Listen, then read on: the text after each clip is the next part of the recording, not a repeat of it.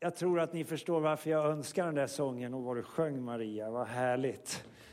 Eh, det är så vi tänker om kyrkan.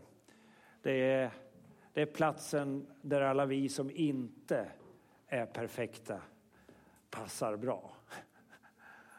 Och du som är perfekt, du får vara med du också. Men då krävs det mycket nåd. ja. Jag är jätteglad över att vi, vi är en kyrka som är eh, multikulturell. Det var ju en av de stora frågorna om man läser apostlagärningarna. Eh, måste man inte vara jude för att kunna få vara kristen? Eh, det var ju bland judarna det började. Men så upptäckte man ju att nej, men man måste ju inte vara jude för att få vara med. Evangeliet kom till Damaskus till slut och det kom ju till Antiochia och sen till Europa och så vidare. Det kom sen också faktiskt till Afrika. Och det, det nådde Centralafrika. Ett litet land stort som, eh, ja men det är väl stort som Västerbotten ungefär. Kan det vara så? Eh, ni som tycker att det är mycket folk i Sverige, där bor det 12-13 miljoner. Eh, Landet heter Burundi, ligger strax söder om Rwanda och gränsar till Tanzania i ska se nu, öster och Kongo i väster. Men i söder, vad blir det i söder då? Vad sa du? Vad är det för land? Det har jag aldrig hört för. Tanzania, är det söder och är liksom omgärdar helt och hållet? Ja, just ja, men då är jag ju på rätt ställe. Vi är jätteglada att, att ha en, en, eh, en gästande pastor här idag. Så nu, idag kommer det bli två predikningar. Men, men Eli, pastor Eli, eh, som bor här i Sverige, kom. Eh, vilken grönt eller... Det är grönt, det är grönt man ska ta. Eh, eh, pastor Eli, du håller ju på, eh, du är på väg att bli, du läser ju va? Ja. Vad, vad är det du utbildar dig till?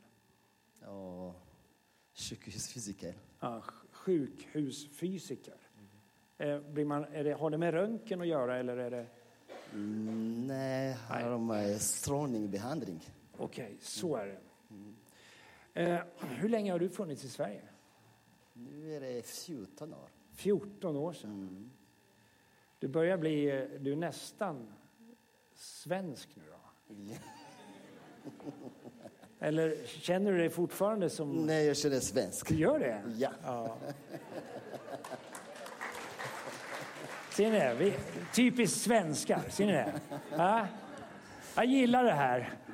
Eh, och Eli han eh, leder en av våra internationella grupper. Eh, vi träffades härom, härom lördagskvällen nere i Kids. Det var fullt med, jag kan säga att jag var udda i gemenskapen. En av de få vita i sammanhanget. Det var jättehärligt. Vi sjöng och spelade och bad till Gud tillsammans. Och talade om enhet, att vi hör ihop. Du har en en ungdomskamrat här med idag. Yes. Vad heter han? Destiny. Ja, nej, Destiny? Mm. Nej, men jag tänker på pastor Nestor. Ungdom, så, aha.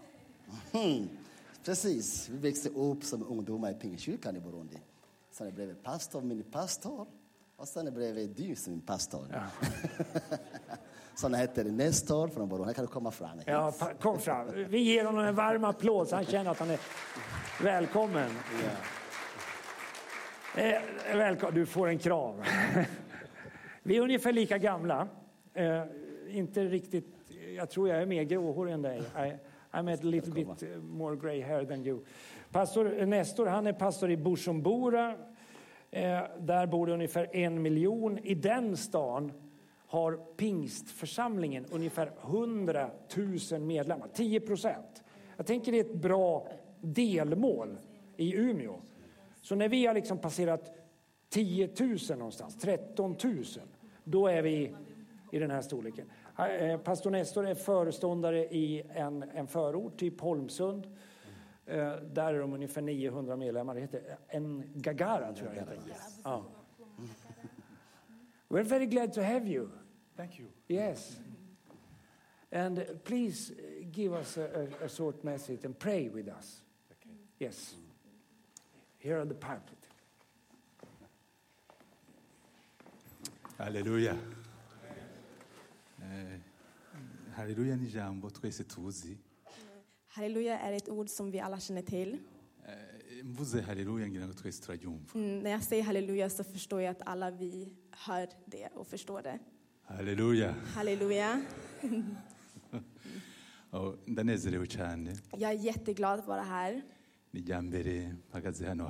Det här är första gången jag står här inför er. Mm, och jag är jätteglad.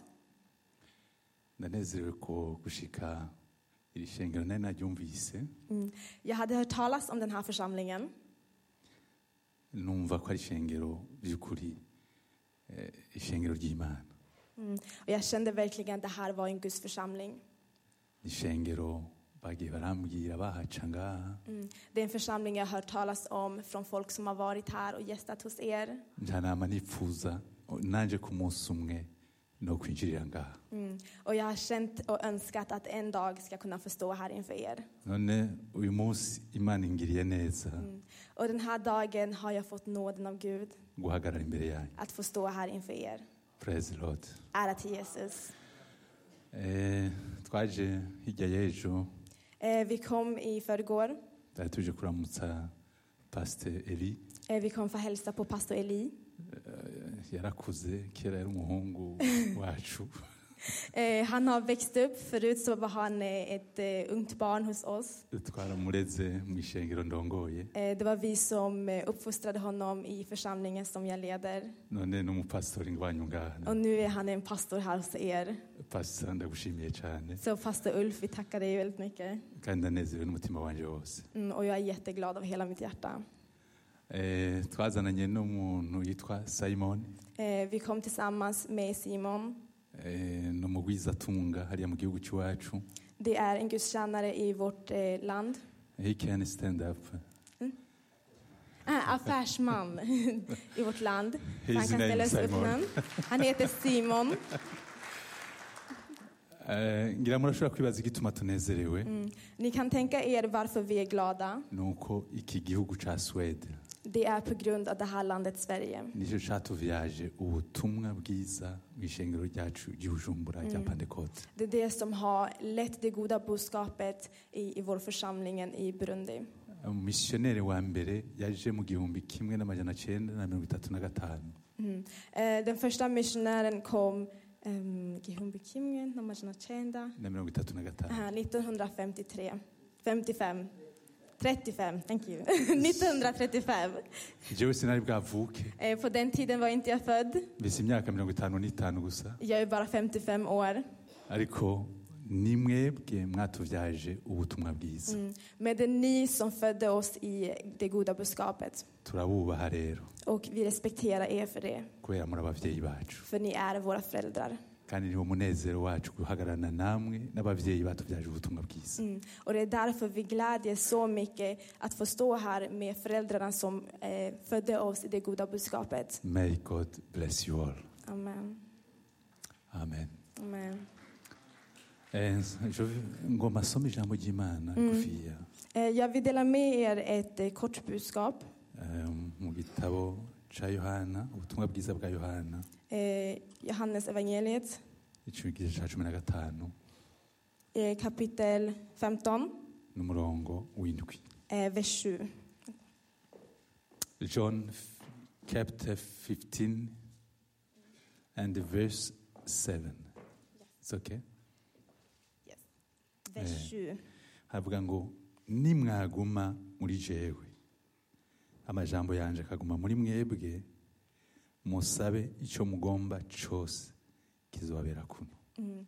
Eh, det säger, om ni blir kvar i mig och mina ord blir kvar i er, så be om vad ni vill och ni ska få det. niyo mwaguma muri yesu Mm. Om ni blir kvar i Jesus amajambo yiwe akaguma muri mwebwe mm. och hans ord blir kvar i er, muzosaba icyo mugomba cyose ni kan be om vad ni vill kandi kizobabera kuno nyene och ni ska få det som ni vill. ni nko gutera ikashe Det är som att lägga ett eh, frimärke, ankashe han kanske säger stämpel. ni nko kwemeza yesu niwe atwemeza Mm. Det är Jesus som sätter den här stämpeln. niyo mwaguma muri we Mm. När ni förblir kvar i honom nawe akaguma muri mwebwe. Och han blir kvar i er. ngo muze musabe icyo mugomba cyose. Så be om vad ni vill.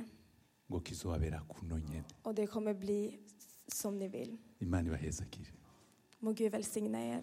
amen. Amen. amen. Oh, turagushimiye mana turagushimiye kino gitondo ciza duhaye. Uhezagira ishengero mwami tubonanye. Uhezagira ijambo ryinjire muri bo. Uhezagire mwami abantu bose baryumvise baryakiriye. Barishire mu mitima yabo kandi baribungabunge.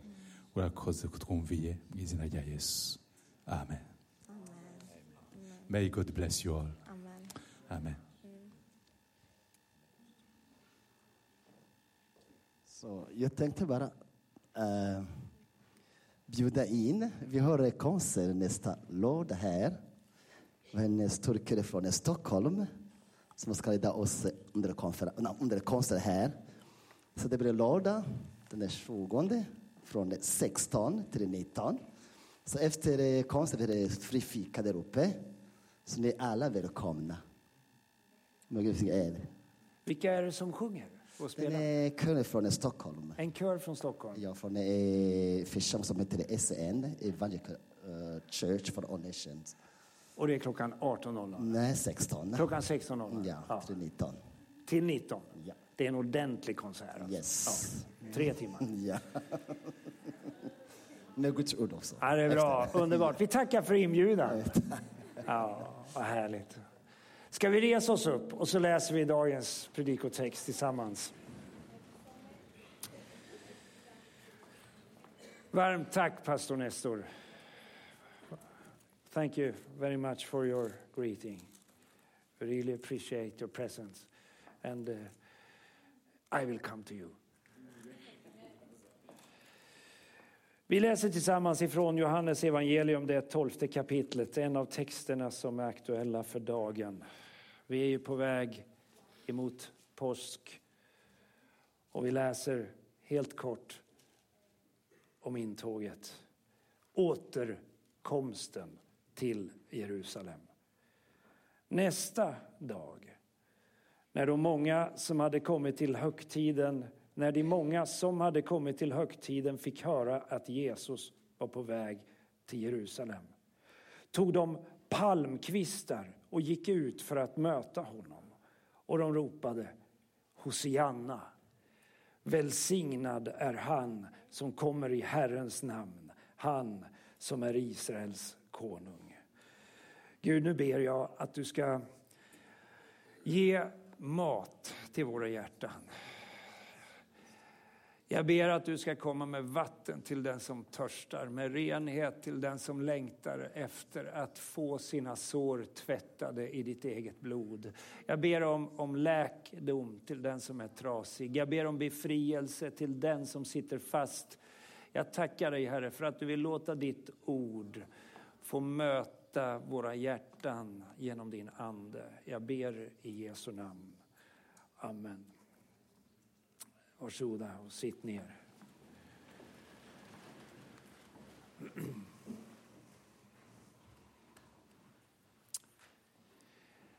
Inte alla vet om det. Inte alla tror på det. Men Gud är på väg tillbaka. Så är det. Vi tror på Guds återkomst. Vi tror på Guds återkomst i världen. Vi tror att det kommer att märkas. Och vi tror att det kommer att märkas på många olika områden. Inte bara på det individuella området, att människor får ett nytt hopp och en ny tro på framtiden. Utan också när det gäller vårt sätt att relatera till varandra. Vi ser inte fram emot Antikrist, vi ser fram emot Kristi återkomst. Vi tänker inte att det är ondskan som ska vinna. Vi tänker att det är kärleken som ska vinna. Och nu sitter vi ju lite grann med, med, med facit i handen. För vi är ju här söndagen innan påskdagen och vet att nästa söndag då kommer vi att påminna oss om att Gud, det går inte att döda Gud. Gud han uppstår alltid från de döda. Gud kommer alltid igen. Vi kan slå honom, vi kan förneka honom, vi kan reducera Guds inflytande. Alltså vi kan tyckas reducera Guds inflytande i den här världen. I den politiska världen, i den religiösa världen, i våra egna liv. Vi kan till och med tänka oss att begrava honom. Vi kan, vi kan ställa en stor sten utanför graven och vi kan vakta graven. Ni vet, det går inte att stänga in Gud i döden. Utan döden har liksom inget grepp över det som har med Gud att göra. Så när Jesus stiger in i döden så gör han inte det som en, som en vek förlorare. Det tycks ju så när man ser på honom. Han är ju slagen, han är blödande, han är torterad, han är lidande, han är förnekad, han är hånad. Men när han kommer in i det där rummet som är fyllt av mörker så tänder han lampan och så öppnar han dörren och går ut på andra sidan. Det går inte att döda Gud. Gud kommer alltid igen. Sen är det faktiskt så att den Gud vi tror på, han är inte likgiltig. Man kan ibland Fattar det så. På det personliga planet kan jag känna så ibland. Var, var är du någonstans? Alltså, jag har, jag har vaknat på nätter ibland och funderat, men, men Gud, var, var är du någonstans? Nu bara de senaste veckorna så, så har jag blivit påmind om, om just hur det kan vara att kännas på det sättet. Några av våra goda vänner har skickat hälsningar och någon har drabbats av en svår sjukdom och, och, och frågan liksom ställer sig, men var är Gud någonstans? Då är det jättebra att du utbildar dig och kan få bidra till läkedom. Jag menar, ibland så är man med om saker som gör att man, man, man kan tänka, börja tänka att Gud är för långt borta. Han, han bryr sig inte om.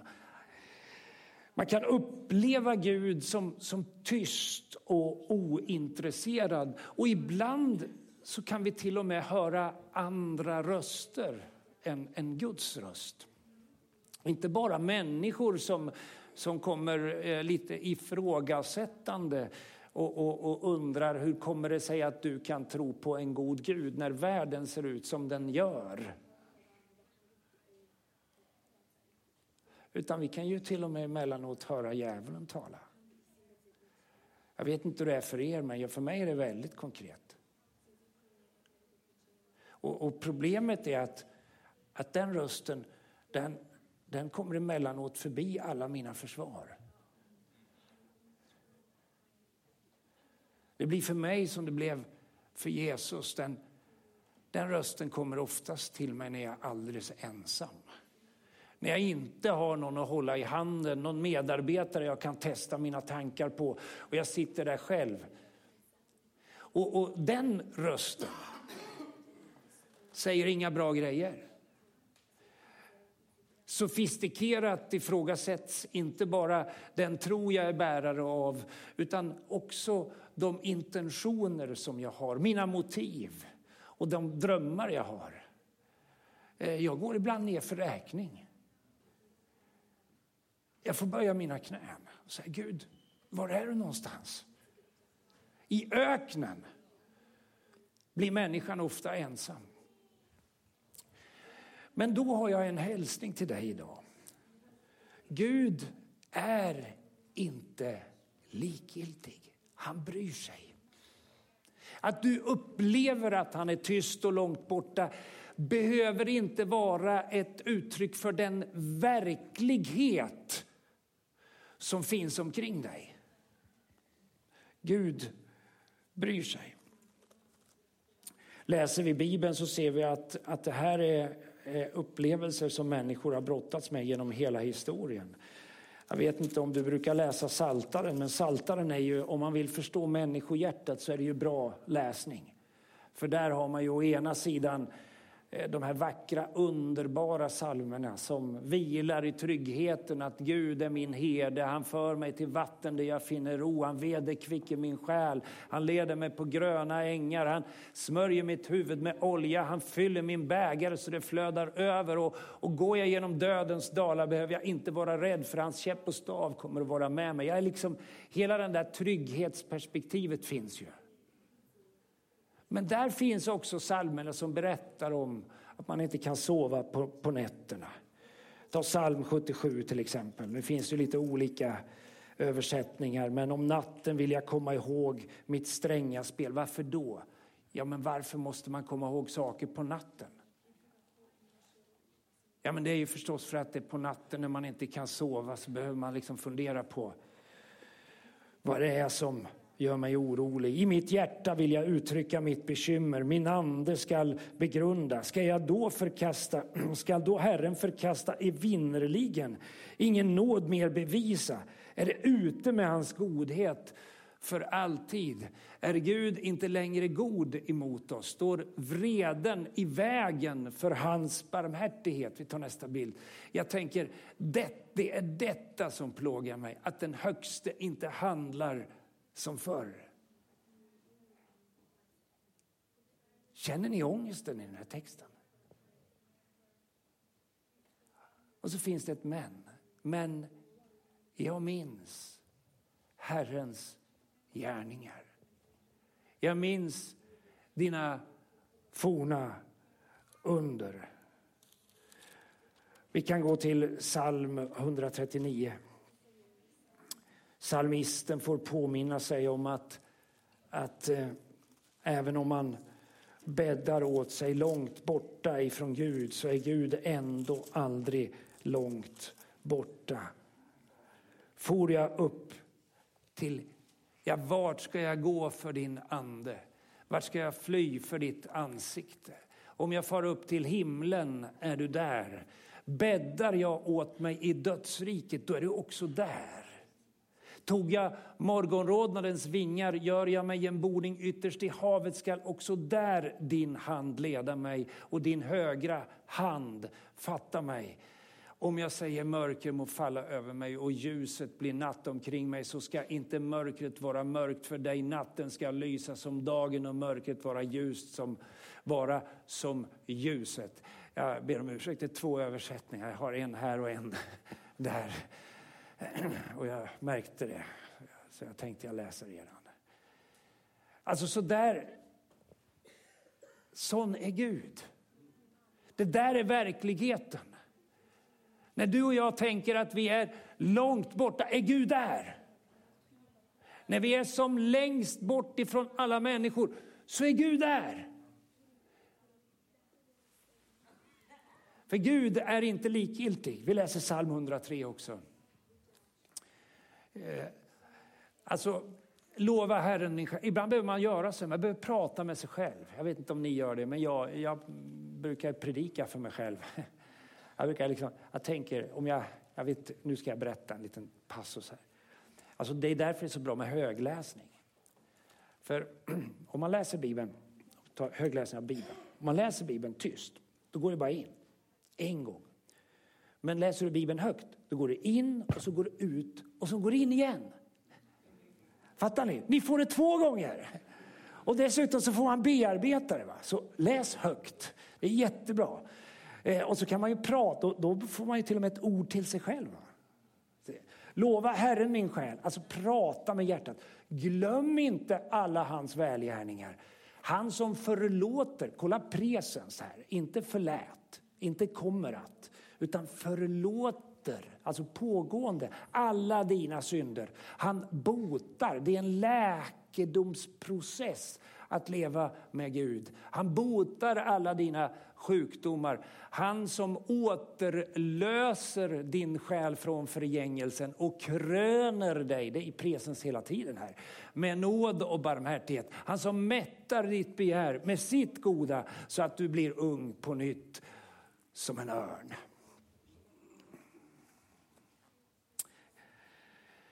Han, står det i Filipperbrevet 1. Han som har börjat ett gott verk hos er. Han ska fullborda det till Jesu Kristi dag. Alltså jag tänker att Gud ska få komma tillbaka. Och jag tänker inte bara liksom att, jag, att det har med mig att göra, att jag ska ge Gud till. Det är liksom Gud kommer ju vare, vare sig jag tror eller inte tror, vare sig jag vill eller inte vill. Men jag tänker vara med och öppna upp för hans återkomst. Jag vill liksom bereda marken för det. Så jag tänker att, att det gör vi genom att, att, att gå Guds ärenden, genom att predika evangelium, men också genom att göra evangelium så banar vi väg för hans återkomst. Och jag tänkte, vi ska titta på det här lite grann utifrån tre perspektiv.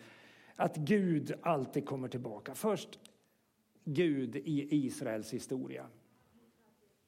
Och där kan man ju göra många nedslag. När man läser Gamla Testamentet så, så kan man ju se att, att folket gör den här, ehm, alltså Israels folk och människan i Gamla Testamentet och i, före Kristus gör, har ju den här resan att göra. Och e, ena stunden är Gud, då upplever man Gud är verkligen nära. Och i nästa kapitel så är det som att Gud är borta. Och så bara för att i nästa sammanhang så märker man att Gud är nära. Och egentligen så avslutas ju berättelsen i Gamla testamentet om, om Guds närhet, att Gud vill välsigna sitt folk. Sen går det ju 300 år utan att vi har någon berättelse om någon profet. Man får leta i de apokryfiska böckerna, böckerna som liksom inte rymdes i den judiska kanoniseringen av, av de där 39 skrifterna som man översatte till grekiska i Alexandria eh, omkring 300 år före Kristus. Eh, alltså, det var tyst. Och det var inte bara tyst, utan folket var plågat. Alexander den store blev kung i Grekland och, och han lyfte fram de grekiska gudarna och han gjorde ju med Israel så som vi svenskar har gjort med, med, med vår egen religiösa historia. Över varje plats där man offrade till, till asagudarna så byggde vi en kyrka. Alexandria, eh, Alexander den store han tänkte jag gör likadant. Fast han tänkte ju inte liksom backwards, det förstår ni. Men han tänkte, han hade egentligen samma tanke. Så i templet i Jerusalem där placerar han en grekisk gud. Gudabild. Och det kan ju ni tänka er att om man, om man skulle varit israelit på den tiden under det makabeiska frihetskriget på hundratalet före Kristus så hade man ju varit extremt provocerad.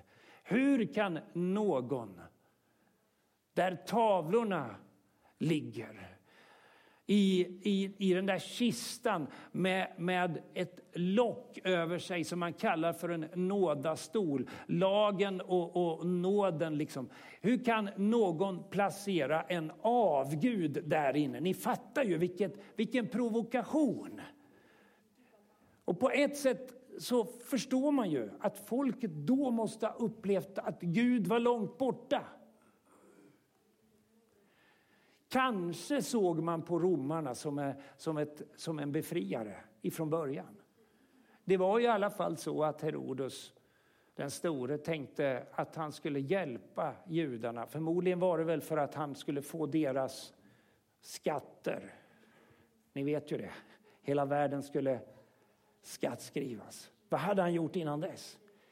Jo, men han hade restaurerat det andra templet. Han hade gjort det restaureringen så fin så man kallar faktiskt det templet för det tredje templet. Salomos tempel och sen har man templet som man bygger upp efter den babyloniska fångenskapen och så kommer Herodes. Och det där görs egentligen inte färdigt förrän i slutet på ja, 60-talet, strax innan Jerusalem, strax, några år strax innan Jerusalem brinner.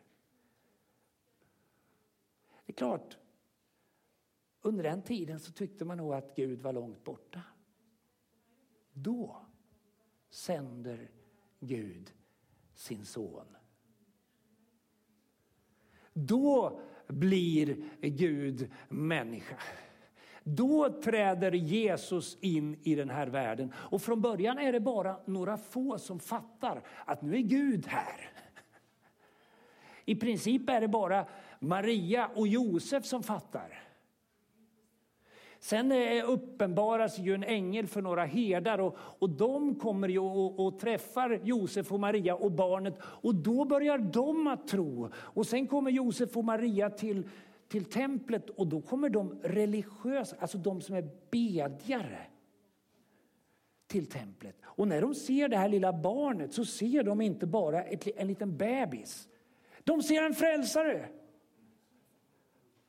Och av det förstår ju vi att den som beder ser saker som de som inte beder heller inte ser. Alltså en, bödja, en bedjande människa, den som ber kommer att få, den som söker kommer att finna, den som bultar, för den kommer dörren att öppnas till en ny värld. Gud kom in i den här världen. Det är ju, berätt, det är ju Israels historias berättelse. Att man kan uppleva att Gud är borta, men han kommer alltid tillbaka. Hela tiden. Han kommer tillbaka. Och det är ju hälsningen till, till, till dig idag. Om vi tittar i Sveriges historia. Nu, nu, eh, ja, eh, det ska inte bli någon historielektion, ni behöver inte vara oroliga. Men, men lite bara, så det är ju kul med historia. Jag vet inte, vet ni när Ansgar angjorde Birka. Vi måste ju ha något, någon liten... Är ni vakna? Ja, nu någon gissar på 1100, men det är lite sent. va? Vad sa du? Ja, 830. Ja, jag brukar jag tänker 800-talet, det är en bra. Då kommer ju en präst till Birka i det som idag har blivit Stockholm. Och han börjar predika evangeliet för oss nordbor som inte har hört talas om att Gud har stigit in i den här världen. Vi visste det inte. Så börjar han predika evangeliet. Och, och, det går ju några hundra år innan evangeliet liksom får ett genomslag. Innan man, innan liksom man bestämmer sig för att i Sverige vill vi ha kristna kungar. Men nu betedde de som inte särskilt kristet kan man ju säga. De slog ihjäl varandra. Om man var västgöte var det inte så noga, man slog ihjäl östgötar. Det fick man inget, inget straff för. Men slog man ihjäl en västgöte låg man illa ute. Det västgötalagarna, det, det var, de var inte bra. Så har vi ju Gustav Vasa då på 1500-talet eh, som ju heller egentligen inte var så där väldigt eh, kristelig. Han fick ju för sig när Olaus Petri predikade i, i, i Storkyrkan där i Stockholm. Han predikade, för det första predikade han ju på svenska och sen översatte han ju Bibeln till svenska. Tidigare hade man bara läst den på latin. Jag menar hur, ni fattar ju. Men vad förstod man då? Inte särskilt mycket. Eh, Problemet för Gustav Vasa var ju att Olaus Petri samlade så mycket folk så han tänkte här får jag en konkurrent om makten. Så han sätter ju Olaus Petri i fängelse och dömer honom till döden. Olaus Petri sitter i fängelset, han översätter Bibeln. Blad för blad för blad för blad. Han fortsätter bara. Och, och eh, Vasa börjar väl till slut att fundera på det kanske inte är så dumt eh, om, att släppa ut honom. Och så kidnappar jag kristendomen och försvenskar den och gör Sverige till ett kristet folk som lyder under kungen. Och så har vi prästen. Ja, ni fattar. Hierarkin. Det där får ju 1593 följden att vi, vi, blir, vi får Svenska kyrkan. Den kallas inte för Svenska kyrkan då. Det görs den inte förrän på 1800-talet faktiskt.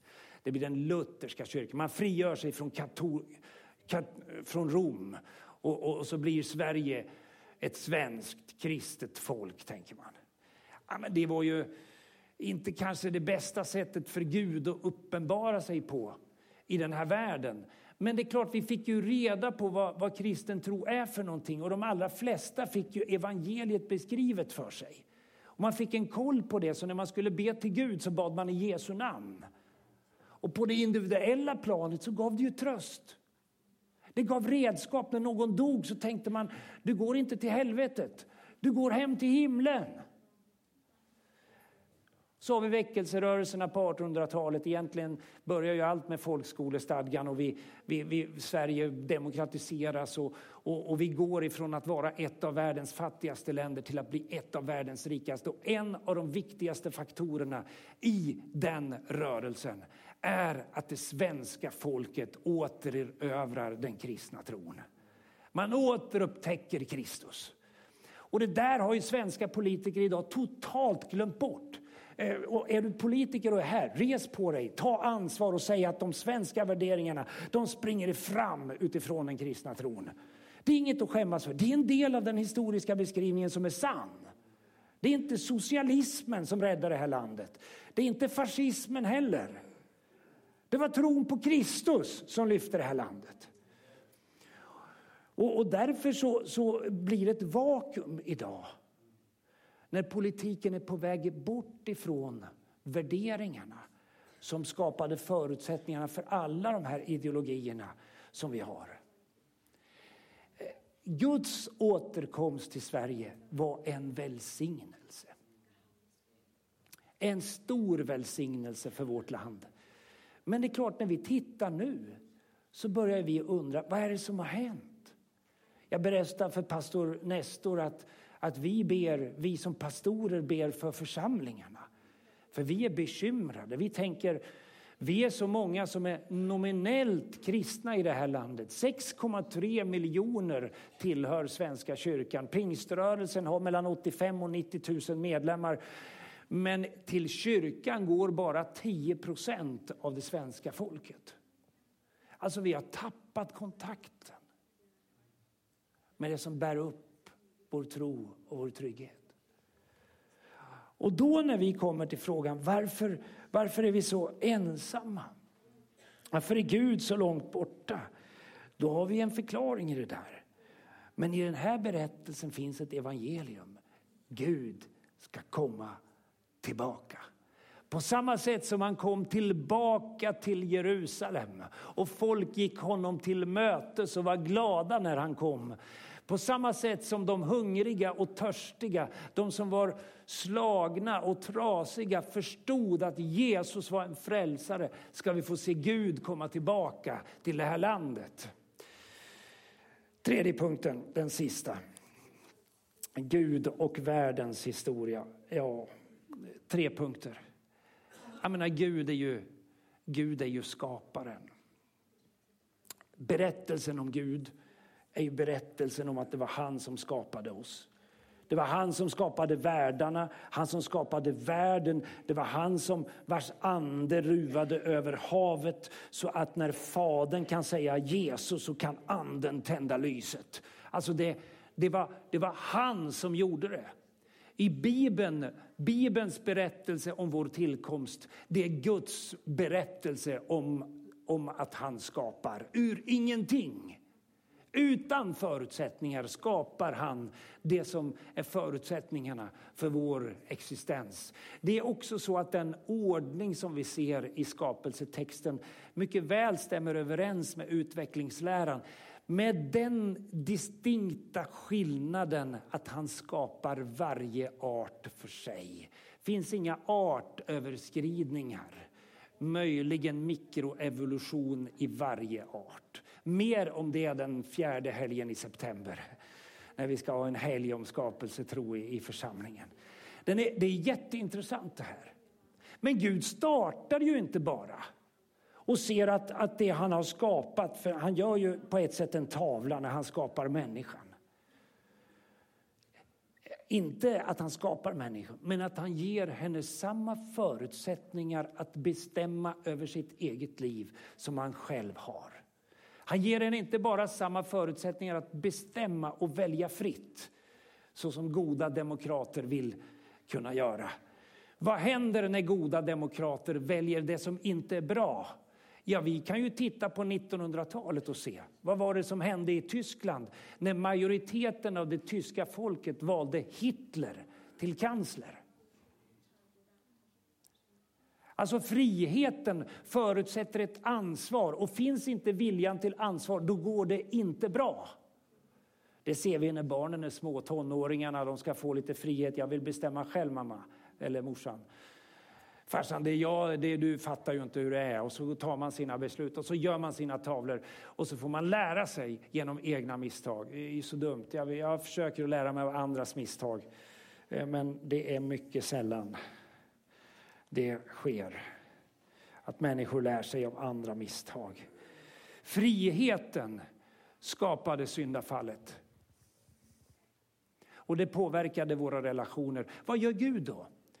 Sitter han i sin himmel och tänker, ja men jag startar ju det här nu, får de väl ta ansvar för det. Nej men han är ju frälsaren. Den bibliska berättelsen är ju inte bara en berättelse om Gud som skapare som sätter igång. Han är frälsaren. Han stiger ju in i den här världen och blir människa. Han, han frälser inte uppifrån och säger kom igen nu, lyft er i kragen. Lite bättre moral kan ni gott ha, då kanske. Utan han stiger ju ner under oss och möter oss nerifrån och upp. Det är därför han inte föds i palats utan i ett stall. Han blir tillgänglig, till och med för de som inte hade något värde alls. Men Gud är inte bara frälsaren. I, i den bibliska berättelsen så, så är han inte bara individens frälsare. Han är hela världens återupprättare. När Johannes döparen pekar på Jesus så säger han, där är Guds lamm som tar bort hela kosmos synder. Där är han som ska återupprätta hela skapelsen. Alltså han tog ju i så han höll på att storkna, Johannes döparen. Det var ju liksom, det var ingen liten debattartikel utan han, han, han tog i precis allt han orkade när han pekade på Jesus och säger det är han som kommer att göra det. Och han kommer att göra det. Det här hjälper oss att dra några slutsatser. Och bara för att jag kände när jag skrev den där raden som nu kommer att jag undrar om jag kanske borde ha nyanserat det lite grann. Men, men det är faktiskt så här. Evangelium säger oss, det kommer inte att gå åt helvete. Ondskan kommer inte att vinna. Skaparen, som också är individens frälsare, han ska komma tillbaka. Så när Bibeln talar om att himmel och jord ska brinna så är det inte för att himmel och jord ska brinna upp. Utan det onda, det som är av gräs, hö och strå ska brinna upp. Men det som är av ädelt metall, det ska lik järnmalmen i de norrländska eh, gruvorna förädlas och bli till det det var tänkt att vara. Det är på samma sätt med världen som det är med människan när hon blir en ny skapelse. Jag upphör inte att existera.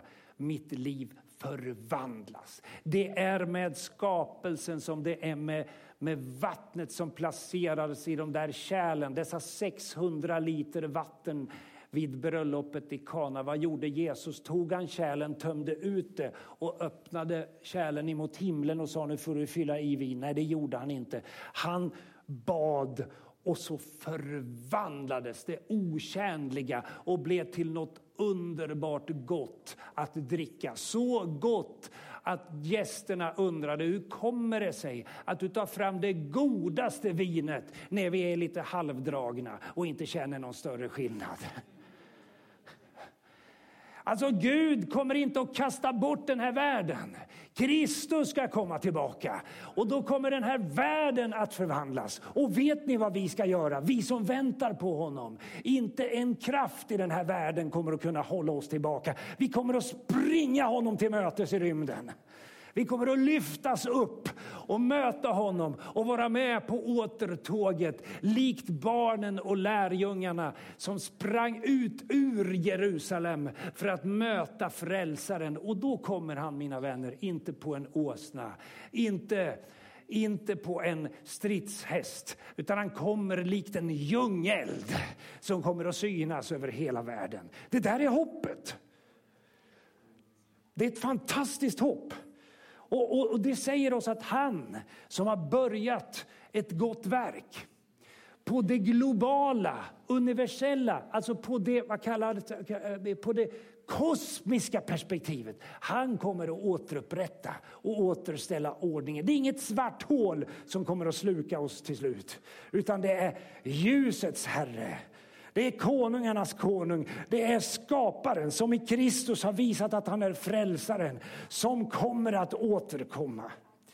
Och det är klart, när jag tänker på det, när jag vaknar på nätterna och svetten rinner efter ryggraden och jag undrar hur ska det här gå? Så fyller ju det här mitt hjärta med tro. Jag kan höra Guds röst. Han viskar i mitt bröst. Det här kommer att gå bra.